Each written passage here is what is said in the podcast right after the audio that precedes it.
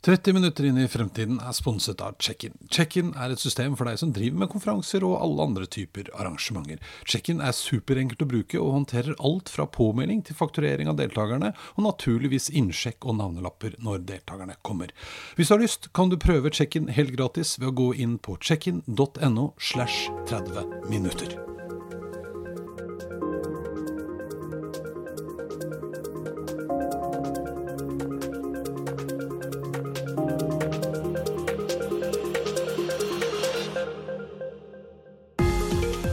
Dagens gjest mener det er tre ting som påvirker omgivelsene i voldsom grad. Teknologi, demografi og ideologi. Men så kan man jo si at den første påvirker de to andre, så da blir det jo viktig da, å forstå teknologi.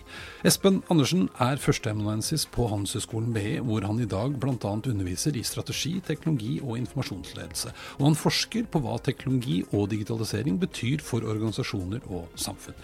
Espen er lidenskapelig opptatt av teknologi, og er ganske bestemt på at vi mennesker bare må lære oss hva dette er, og hva det betyr for oss. Dette er 30 minutter inn i fremtiden, og jeg er Eirik Normann Hansen. Hei, Espen. Hei! Velkommen til meg.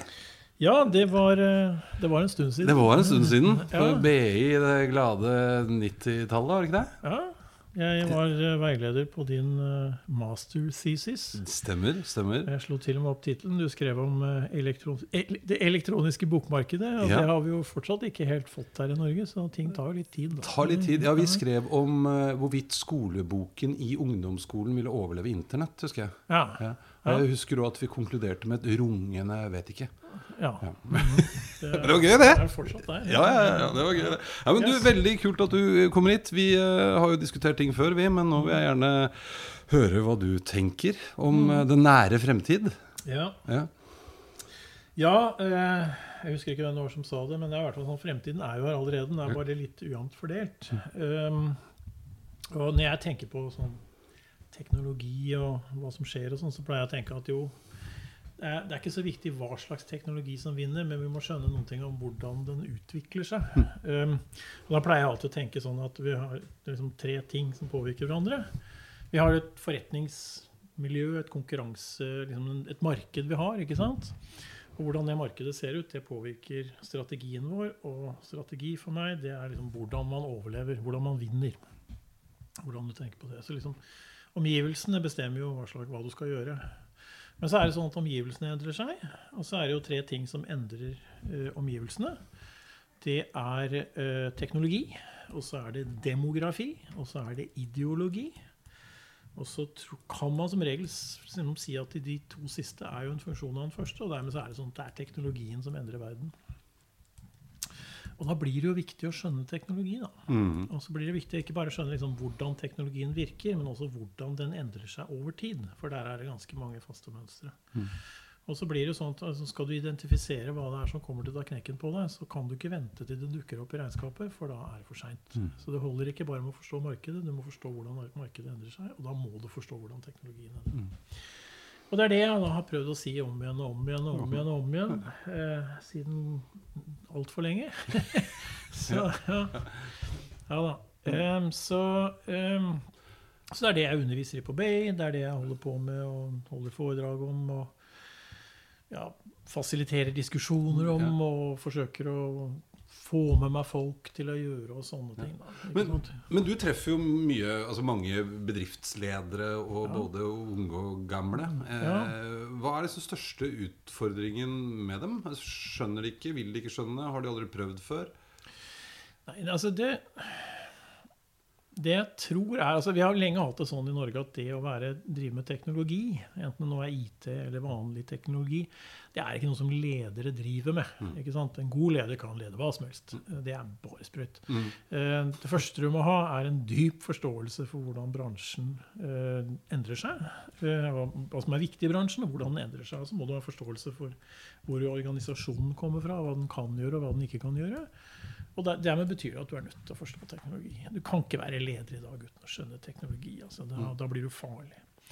Um, og så, så, så liksom Det er nå én ting. Men så er det også det at det er ikke det også Da blir det fort at liksom, ja, men jeg skal skjønne hvordan blokkjede funker. Mm. Ikke sant? Mm. Det er sånn Ja, men det, Blokkjede er ikke så veldig interessant. Det som er interessant, er jo hva blokkjede gjør. Ikke sant? At den, den muliggjør en hel del ting. Mm. Jeg trenger ikke å forstå hvordan kryptering eller dobbeltkryptering altså dobbeltnøkkelkryptering fungerer. Det det betyr, er at du og jeg kan utveksle noen ting, og med blokkjein eh, sikre at den kontrakten faktisk eh, er, er sikker. Uten at vi trenger å stole på hverandre. Mm. Eh, og, og det muliggjør da en hel masse eh, andre måter å gjøre ting på. Ja, for det, det syns jeg også jeg merker noen ganger. At folk er kanskje for opptatt av Eller de er liksom Teknologi er lik teknologi i gamle dager. Og hvis jeg skal skjønne det, så må jeg skjønne hvordan det virker, og hvordan jeg kan lage det. Men det er ikke det som er viktig. Forstå konsekvensen av det, hvilken påvirkning og hvilke muligheter det byr på. Men for altså, Folk har jo liksom en sånn følelse av at ja, men det vi skal gjøre med den teknologien, at vi skal gjøre det vi gjør i dag, bare enda fortere. Ikke sant? Og det er sånn at uh, Dette ser du tydeligst i sånn offentlige uh, prosesser. Så er det sånn for eksempel, En av de mest fascinerende tingene jeg har sett uh, som faktisk man har vært innmari flinke til, da, det er jo noe som heter samtykkebasert lånesøknad. Vet du Mm. om du har vært borti det? Kan jo hende. Men Ja. ja. Ja, men Før så var det sånn at hvis du skulle låne penger i banken, så ville de gjerne se selvangivelsen din. Eh, og da måtte du for det første produsere den. Eh, og så måtte du gå i banken og levere den, og så skulle de kikke på den og si ok, han skal vi gi lån til eller ikke. Men det som er problemet for banken, eller kanskje særlig for et forsikringsselskap, er at det kan stå ting i selvangivelsen din som de ikke har lov til å se. Men det var litt sånn at det måtte du da stole på at de ikke tok med i betraktningen, for det har de ikke lov til. Og så er det sånn da at Samtykkebasert lånesøknad det er noe som er kokt sammen av skatteetaten og bankene. Eh, og de sier sånn så at Når du nå søker på nett, ikke sant, så sier at jeg vil ha lån, så sier de kan vi få lov å spørre skatteetaten om de opplysningene vi har lov til å se. Mm. Ja.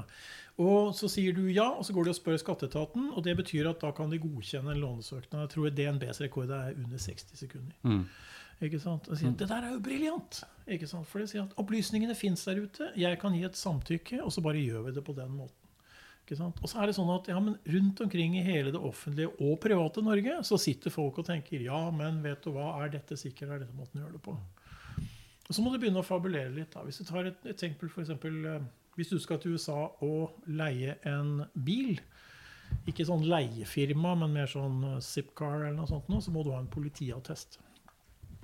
Jeg vet ikke om du har søkt en politiattest noen gang, men det, er en, det tar en tre måneders tid. Ja. Og da får du et dokument. Og nå kan du søke online. da. Du kan gå og fylle ut et skjema. Ikke sant? Så tenker jeg, Men vent litt. Det er ikke sånn at du og jeg trenger å søke om en politiattest. Vi har en politiattest. For det som bestemmer om du har en politiattest eller ikke, det er jo om du står i et eller annet register. Ikke sant? Og, og så er det forskjellige typer av politiattester. For eksempel, hvis du skal jobbe i en barnehage, så må du ha en politiattest som viser at du er sikker overfor barn. Og at du da ikke er straffet for sånne ting. Okay? Og så lurer jeg på, Hvorfor skal det være en søknadsprosess og en, at noen avgjør det? Hvorfor kan ikke jeg bare logge inn på Altinn og så trykke på knappen som sier 'last ned politiattesten min'? Ja. Så tenker jeg, vent litt. Da får jeg et dokument som jeg skal levere til min arbeidsgiver. Men så er det liksom sånn at da er har jo de sjekket meg, og så kan jeg sette i gang og gjøre hva jeg vil, fordi politiattesten blir jo ikke sjekket igjen. Da tenker jeg, Kan vi ikke gjøre det enda enklere? Kan du bare gjøre det sånn at hver måned så sender vi inn en avmelding, liksom, og den inneholder bl.a. en liste over hvem som er ansatt hos oss, i form av noen personnumre. Og hvis du da er en barnehage som er avhengig av at alle dine ansatte har politiattest, hvorfor kan du ikke da bare gjøre et oppslag hos politiet med en gang, og så få beskjed, eller så får du beskjed da, om det er en som ikke har politiattest lenger. Mm. Ikke sant? Og dette her, det er sånn det er kjapt og smidig, og liksom bare bom faller av, så er du ferdig med det, og ingen trenger å tenke på noen ting. Og så spør folk ja, men hva med de 40 politifolkene som sitter i Hammerfest og sender ut politiattester? Ja. Eller 20 i Harstad, eller hva det nå er for noe. Liksom, de som har den jobben, hva skal de gjøre da? Og det er der vi har den manglende fantasien. Mm. Fordi at eh, Oslo-politiet henlegger noe sånn som 10 000 saker i året. Så er det sånn, Da har du plutselig 40 mennesker i Hammerfest som kan ta en jafs av den haugen der! Ikke Ja, sant? er det no, er nok å gjøre! Ja. Ja. Ja, ja. Jo, men det handler vel også litt om altså Ikke bare for politiet, men den frykten for å, å, å Altså, det får så store konsekvenser. Jeg kan være leder og så se at jeg har disse 40 menneskene, jeg har ikke lyst til å si det opp. Det kan jo bare sitte der og holde på med sine ting, da. Ja, ikke sant? Men det er, det er jo en eller annen sånn, jeg tror det er The Matrix som sier at du skal ikke sette et menneske til å gjøre en maskins jobb. Nei. Ikke sant? Og det er sånn, Når du da oppdager at dette her er helt tøysete ikke sant? Uh, uh, NRK la forleden ned lisenskontoret sitt. Mm. Ikke sant? Vi slutter nå med NRK-lisens, som er, var upopulært. Men altså, er rundt 160 mennesker i Norge hadde som jobb å holde på med NRK-lisens. Rundt 100 mennesker i Mo i Rana, eller 70 eller noe sånt nå. Ikke sant? Og så en 60 pensjonerte politimenn som løp rundt og skremte studenter. Mm. Ikke sant? Det var lettest med studenter, for der var det mange mennesker som ikke hadde NRK-lisens på lite område. Mm. Ikke sant? Og det er sånn, Men vent litt. Grann. Eh, jo, hvorfor har vi NRK-lisens? Jo, det er fordi at NRK skal være uavhengige Mm. ja, av politikerne. Men hvem er det som bestemmer NRK-lisensen? Jo, det er Kulturdepartementet. Ja, så tenker vi, kan vi ikke bare, liksom bare Da får de liksom én betaling, ikke sant? Mm. Og så Ja, men hva med de folkene i Mo i Rana? Mm. Sant? Og så Dette her begynte jeg å mase om overfor NRK-ledelsen for tolv år siden. eller noe sånt nå. Og i fjor så gjorde de det. Men først etter at de hadde funnet ut at Nasjonalbiblioteket i Mo i Rana kunne jo få de 70 stillingene. Ja. Ikke sant? Ja, ja. Sånn, og da har vi også holdt på med disse forbaskede NRK-lisensene i ti år i mellomtiden. Bare for at noen skal bestemme seg. Men, men tilbake igjen til der du begynte. Det det handler om, er at vi må liksom skjønne hva teknologi faktisk kan brukes til, og hvorfor vi skal bruke det. Ikke hvordan man lager tingene. Vi må ha evnen til å føre en samtale om teknologi uten å henge oss opp i de gamle eh, tankegangene om, om, om hva noe er. Mm, mm, Ikke sant? mm. Eh, når vi driver jeg, jeg sendte min første e-post i september 1985. ikke sant? Og hvis du ser på e-post, så er det liksom, ja, det er moderne teknologi. eller noe sånt. Noe. Men det er ikke det. Det er en kopi av papirer som går frem og tilbake. Det er liksom det som er metaforen. Ikke sant? Sånn, til, fra, subject og eh, eh, dato og CC, carbon copy, som betyr blåpapir. Mm. Ikke sant? og dette, dette er altså, Vi holder på med en gammel metafor.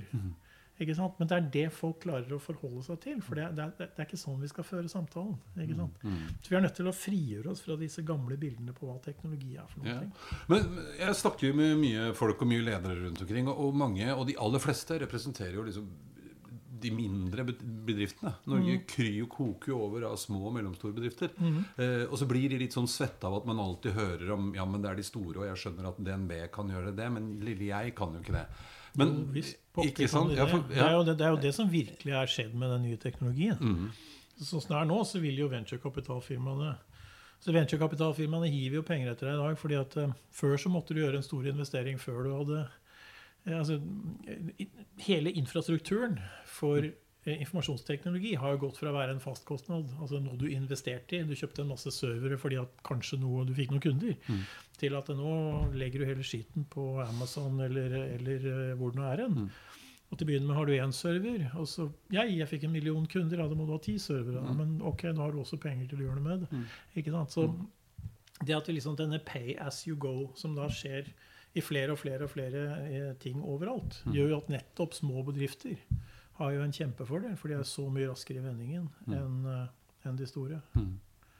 Så det er, veldig mye, det er veldig mye lettere å være et lite firma som skal vokse, enn å være en stor bedrift som er nødt til å krympe. Krum- Ja, ja, ja, ja. Men, men hva tror du er det viktigste? Altså, hva, hva er det folk hopper litt bukk over nå? Hva, hva, må man, altså, hva bør fokuset ditt være? Altså, jeg, jeg nøler litt med å liksom trekke fram noen enkeltteknologier. Mm. For det er, liksom, det, det er liksom Ja. uh, alle snakker om uh, Jeg så du hadde en podkast om AR og VR og blockchain og sånne Ja, ting. ja. ikke sant? Men det, det som er interessant, er jo ikke hva teknologien er, men hva vi kan gjøre med den. Mm, mm, Og det, det er veldig opptatt av at folk skal klå på teknologi. De skal prøve ting og se om det funker. mm, Ikke sant? Jeg, på kontoret mitt så har jeg tre 43 toms skjermer. mm. Og det er, det er ingen som trenger tre 43 toms skjermer. Så jeg blir spurt om det. Hvorfor skal du ha tre 43 toms skjermer? Og svaret er for det første er det billig. Eh, og for det andre er det sånn at jeg vet ikke hva jeg skal med tre 43 toms skjermer før jeg har prøvd. Ikke sant?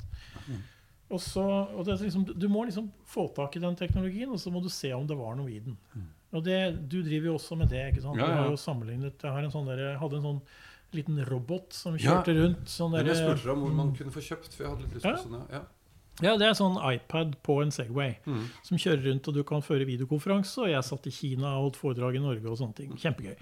Eh, men eh, så viser det seg at ja, det er nok mer en gimmick enn noe annet. Men det er jo ikke sikkert, det vet man jo ikke før man har prøvd den. Nei, ikke sant? Og du finner ut en masse problemer som at Du må nok kjøre den over mobilnettet. fordi at, vet du hva, et wifi-nettverk i et stort bygg Mm. det har ikke noen mekanisme for å la deg gå fra én wifi-server til en en annen. annen, Da får du 30 sekunder hvor den roboten bare står der. Mm. Før den liksom får hostet seg over på den neste sonen. Mm. Eh, og det betyr at da er du nødt til å kjøre den over 4G-nettet. Mm, sant? Og det visste jeg jo ikke før jeg prøvde. Ja. Men nå vet jeg det. Nå, ja. Men, ja, er for det er jo sånn som jeg viste deg når du kommer inn her i dette gamle huset jeg bor i, så er det alt er Philips Hue, og alle ovner er på nettet. Og jeg merker jo hvor imponert folk blir over at de faktisk kan snakke til den stemmestyrte dingsen som jeg ikke skal si navnet på nå, og skru av og på et lys, for det har de aldri prøvd før. Ikke sant? Ja. Så Ja. dra og prøve. Men dette har jo du satt litt i system, har du ikke det? Jo, jo, det er eh, Ja da, jeg, det er faktisk jeg er på tolvte året nå. eh, Så tar jeg med meg studenter.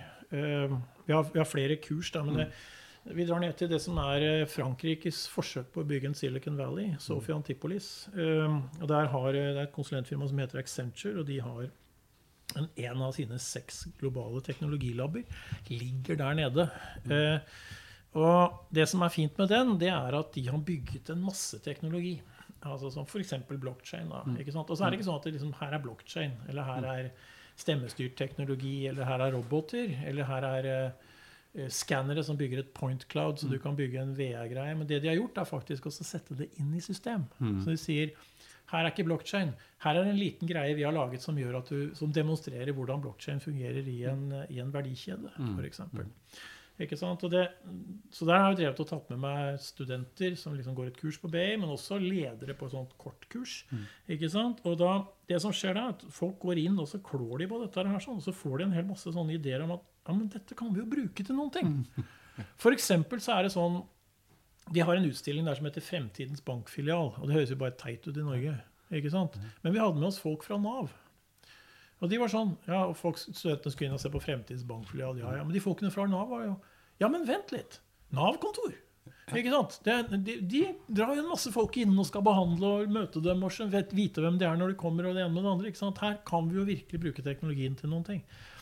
Så det, og det er eh, Dette har vært fantastisk gøy å holde på med. Ja. Og, og du ser også at liksom, nå har vi til og med folk som kommer liksom, kommer hvert år. Fordi det, liksom, Ta med seg liksom, andre medarbeidere og si at ja, nå skal vi ned og, og, og klå. Ikke sant? Og se hvordan dette funker, og tenke hva vi kan gjøre. Vi hadde en fyr som drev et eh, han ble så opptatt av selve modellen. Så Det, altså, det Accenture har der nede, og det er, det er flere andre konsulentselskaper som har det samme, at de har et sånt showrom med teknologi. Og så tar de kunder inn, og så sitter de der og leker med dette. her, sånn, sånn, litt sånn som Snøhetta gjør med arkitektur. Um, og han fyren, han, Det var en kar som drev et firma som het Service Logistikk, som ligger oppe på uh, Lillestrøm. Uh, Lørenskog, Lillestrøm, et eller annet der. Um, og um, han de, de gjør sånn enkelte produksjonsprosesser for bedrifter. Typisk klargjøring av uh, kabel-TV-bokser og den type ting. Ja, ja. Og, da, det, de, og det han gjorde, var at han, han syntes dette med å ha en sånn eksperimentlab var så kult at han tok en del av liksom, kontorplassen sin. Og så satte han opp noen bord etter hverandre og en fire-fem PC med noen skjermer. Og sånne ting. Og når han da snakket med kunder, så tok han dem inn, og så satte de seg ned og så designet i hele prosessen der og da.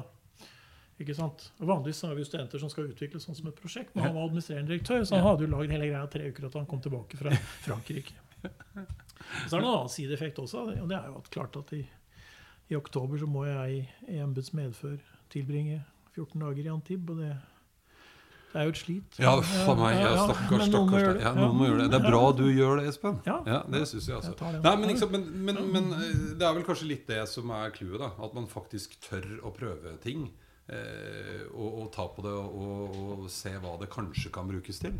Ja, og, og at man liksom har evnen til å ta teknologien og så snu rundt på den. Jeg liker å bruke en sånn metafor med Tetris. ikke Mm. sant? At, eh, hvis det er noen som husker det spillet lenger. Da. Men det er et sånt spill hvor du dropper ned Mm. bokser som er litt rart formet, og så må du vri og vende på dem for å få dem til å passe inn i det under. Mm. Og det er jo nettopp det at liksom, her kommer en ny teknologi. Hva kan vi bruke den til? Mm.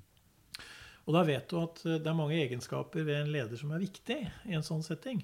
Eh, Du må være rask. ikke sant? Du må ha en relativt ryddig infrastruktur i firmaet ditt. Du kan ikke ha liksom masse gammeldagse måter å gjøre ting på, for da kommer du aldri videre. Eh, Men det du kanskje som er det aller viktigste, er å se når noe nytt kommer inn, og så se det fra flere forskjellige sider på en gang. Og se liksom, ja, hvis jeg gjør sånn og sånn og sånn, så passer det her. Ikke sant? Og det blikket der sånn, det får du bare med øvelse. Altså. Ja, ja. Å prøve.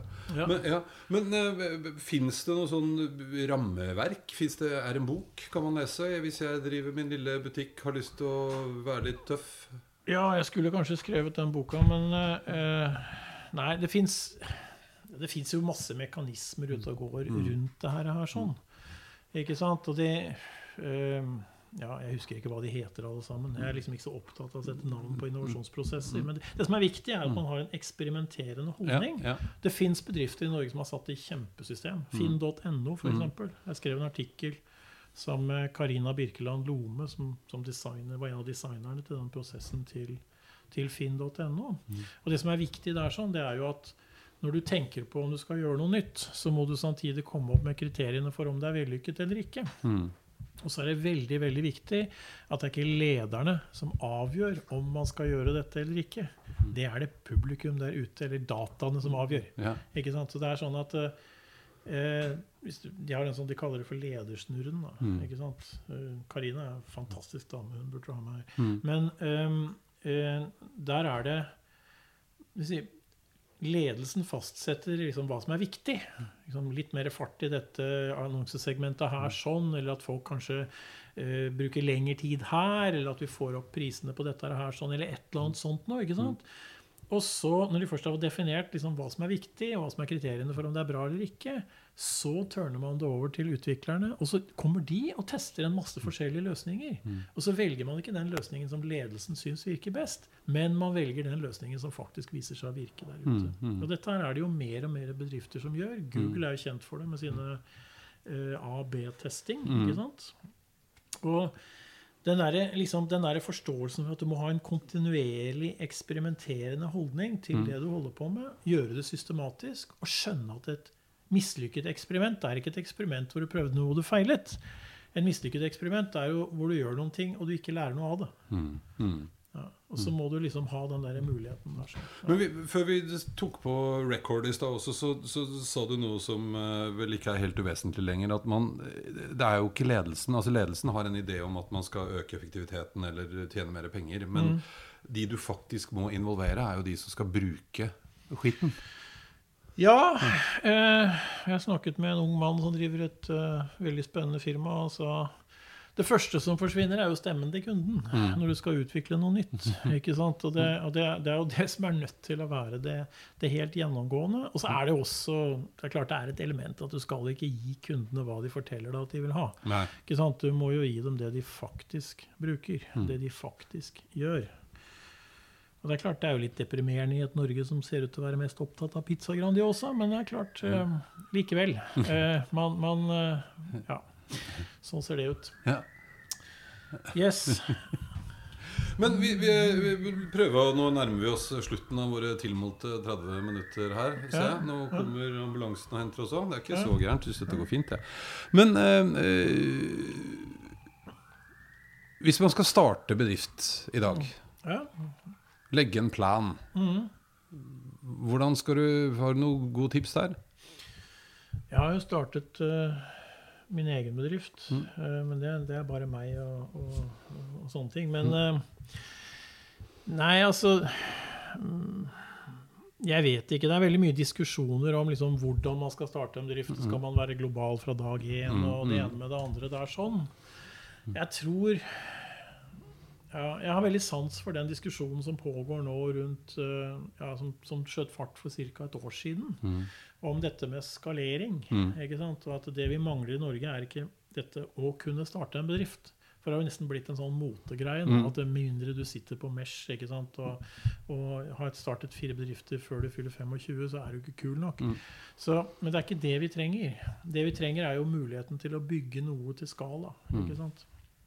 Og, og liksom hva som faktisk betyr noen ting. Mm. Eh, jeg kom nettopp hjem fra Kina. Jeg er i, underviser i Kina sånn én eller to ganger i året. Oi, ja. Og nå på, på tirsdag ettermiddag kinesisk tid så, så var jeg i, jeg var i Shenzhen, som er eh, Kinas svar på Silicon Valley. Mm. Eh, og Kina har enorme problemer med urbanisering og med forurensning og sånne ting. Men de har også en enorm evne til faktisk å gjøre noe med det. Ikke sant? Her i Oslo så tror jeg det går rundt ti elbusser nå. Mm. I Shenzhen så har de 17 000 Mhm. elbusser. De har faktisk bare elbusser i Shenzhen. Mhm. Og de har 22 000 eltaxier, så det fins ikke taxier igjen der som ikke går på strøm. ikke sant? Og nå har de også konvertert rundt 20 000 lastebiler. Eh, Og på forhånd har de også konvertert det som er veldig typisk varetransport i Kina, som er sånne små lastemotorsykler. De er nå elektriske, alle Mm. sammen. Ikke sant? Og Det er en sånn evne til faktisk å gjøre noe med det, Mm. ikke sant? Som, som, som jeg savner, og og, gjøre det på skala. Mm. Men så er det også sånn at i de markedene der sånn, var innom, vi var et, et, Jeg kjørte rundt i en sånn selvkjørende buss i et lite firma som heter Shenzhen Hylion Technologies, som ingen har hørt om, Mm. men som er tre år gammel og allerede har bygget det som tilsvarer Ruter-appen i Shenzhen, med Mm. 26 millioner brukere. Og en app som kartlegger for busselskapene til enhver tid hvor de 17 000 bussene er. eh, Trekker 65 eh, datapunkter på hver buss og optimaliserer charging og alle disse tingene her. Så, Mm. Ikke sant? Og så er det jo det som er spennende da, med det selskapet der, sånn, at det fins jo noen hundre byer til av samme størrelse i Mm. Kina. Ikke sant? Og det Mm. betyr at det de får til der, sånn, det kan de kopiere i Shenzhen. Mm. Det der fikser ikke vi i Norge. Ruter har en fantastisk Ruter-app. Ja. I Trondheim er det et selskap som heter AtB, og de har en helt håpløs app. Hvorfor bruker de ikke bare Ruter-appen? Mm. Det hadde jo også hatt den fordelen at når jeg med min Ruter-app Mm. kommer til Trondheim, så kunne jeg bare brukt den. Mm. Ja. Og det spiller jo ingen rolle for AtB om det, om det er Ruter-appen eller AtB-appen som brukes, men vi skal ha vår egen app. Ja, ja, ja. Interessant. Men, men du er jo inne på en annen litt sånn uh, utfordring overfor for kanskje norske startups da, og norske bedrifter. Og det er, jo, altså, det er jo hyggelig med Norge fordi vi er fem millioner mennesker. Men det er jo også litt utfordrende, for det er jo ikke et lite kvartal engang i den byen du har vært og underviser. Nei, nei, jeg, var i, jeg var i India for noen år siden, og da var en av studentene som spurte meg liksom hvor, hvor mange mennesker bor det i Norge. Og så sa jeg ja, vi er vel sånn fem millioner. Så begynte han bare å le. Og så sa han er du klar over at hvis, vi har en folketelling i India, så er feilmarginen fem millioner. Ja, ikke sant? Ja. Ja, sånn at, eh, og det betyr jo pluss-minus fem millioner. Så det betyr jo at hvis vi flyttet hele Norge til India, så kunne vi ikke statistisk bevise at vi var der. Nei, ikke Ja. sant? Og det, det setter jo liksom ting, Ting- litt i perspektiv. Ja, ja, ja. Jo, men det gjør jo også noe med at hvis du skal eh, kommer opp med en himla god idé da, mm -hmm. i den byen i Kina, Ja. og så får du en million mennesker til å kjøpe den, så kan du jo faktisk kanskje leve av det. Mens uh, Ja. Jo, Ja. men, men det er en copy-paste. ikke sant? Et Mm, annet mm. firma jeg var der nede, er verdens største produsent av elbiler. BYD, som står for Build Your Dreams. Um, og de solgte 350 000 elbiler i fjor, eller elkjøretøyer. Men de har liksom syv modeller av lastebiler og busser, og fire modeller av sånn skogsmaskiner og den type ting, som alle sammen går på strøm. Mm. Og så har de fire modeller av eh, personbiler også, men de selger bare i Kina. De Mm. kommer til Europa i 2020, tror jeg. Mm. Det som var interessant, var at de solgte også lokalbane, altså sånn T-banesystemer. Sånn selvkjørende T-bane som gikk i, sånn, i annen etasje fordi du må opp fra bakkeplan, for det er så trangt nå. ikke sant? Mm. Og det de har gjort, er at det har de implementert i Shenzhen. ikke sant? Og så, når de har fått det til der sånn, så brander de det som et produkt. Ja. Man tenker at liksom her, Og så, sier, så går de til de andre byene og sier Vil du ha liksom vårt uh, Skytrain, eller hva det heter for noen Mm. ting? ikke sant? Det kan vi bare installere hos deg som et produkt som installeres. Mens eh, i, i en norsk sammenheng så skal jo det der være noe som tar en kravspesifikasjon og en stortingsvedtak, og det er hent og dit, og man må ha en helt egen spesialisering av hva det er. Ja. Mens i Kina så er det bare installer, kjør. kjør Ja. Men, men eh, nå minner meg om en, eh, Du fortalte et annet eksempel eh, før vi skrudde på i stad også. Med, er vi flinke nok til å finne altså produkter og tjenester som fins, og ta det i bruk? Mm, Nei, det er vi absolutt ikke. Altså, det er to ting ute og går der. Det ene er liksom uh, Vi må ha et nytt system. Mm. Ja, og så er det sånn Du har allerede et system, Mm. Uh, men du bare bruker det ikke. Mm. Ikke sant? Eh, jeg husker da jeg var da jeg skrev min masterthesis på BI, Mm. ikke sant, så gikk jeg inn og laget et budsjettsystem for Statoil. Eh, og, da, det, og da skrev jeg en masse sånn produsert mye fine grafer og farger og sånne ting. ikke sant? Og så spurte de ja, men den, den, den liksom, eh, Hvor fikk dere tak i den printeren der, som kan skrive sånne fine grafer? Og si, ja, det er den printeren dere har stående der borte. Mm. Den kan gjøre det, men det gjorde dere ikke. Så ser man det i mange andre sammenhenger Mm. også. Jeg Mm. husker ikke om jeg fortalte den historien om han eh, en, Også en student av meg Mm. ikke sant, som var ute for en stygg ulykke. Mm. Han heter Fredrik Øvergård. Eh, han bor oppe i Trøndelag. Og han Var i en sykkelulykke, falt ned i en grøft, brakk ryggen og fikk lungekontusjon. Dvs. Si at du blør inn i lungene. Eh, og eh, så ringte da en fortvilt nabo ringte etter ambulanse, og så tok det 20 minutter for lenge før ambulansen ble forsinket 20 minutter pga. en misforståelse rundt eh, adresse. Selv om dette var ikke langt utenfor Trondheim. Og Fredrik er dataingeniør, og han bestemte seg for at dette her skal ikke skje igjen. Så han satte seg ned og eh, laget en app som er sånn at du kan trykke på den appen, så får du opp sykebil, brannbil eller politibil. For de fleste i Norge husker ikke hvilket nummer de skal ringe. Trykker du på den, og så dukker faktisk du opp på skjermen hos ambulansetjenesten eller branntjenesten eller kunne vært hos politiet, med navn og hvor du er, før telefonen har rukket å ringe. Mm. Og det kan håndtere 1000 mennesker som ringer inn samtidig hvis du har store katastrofer og sånne ting.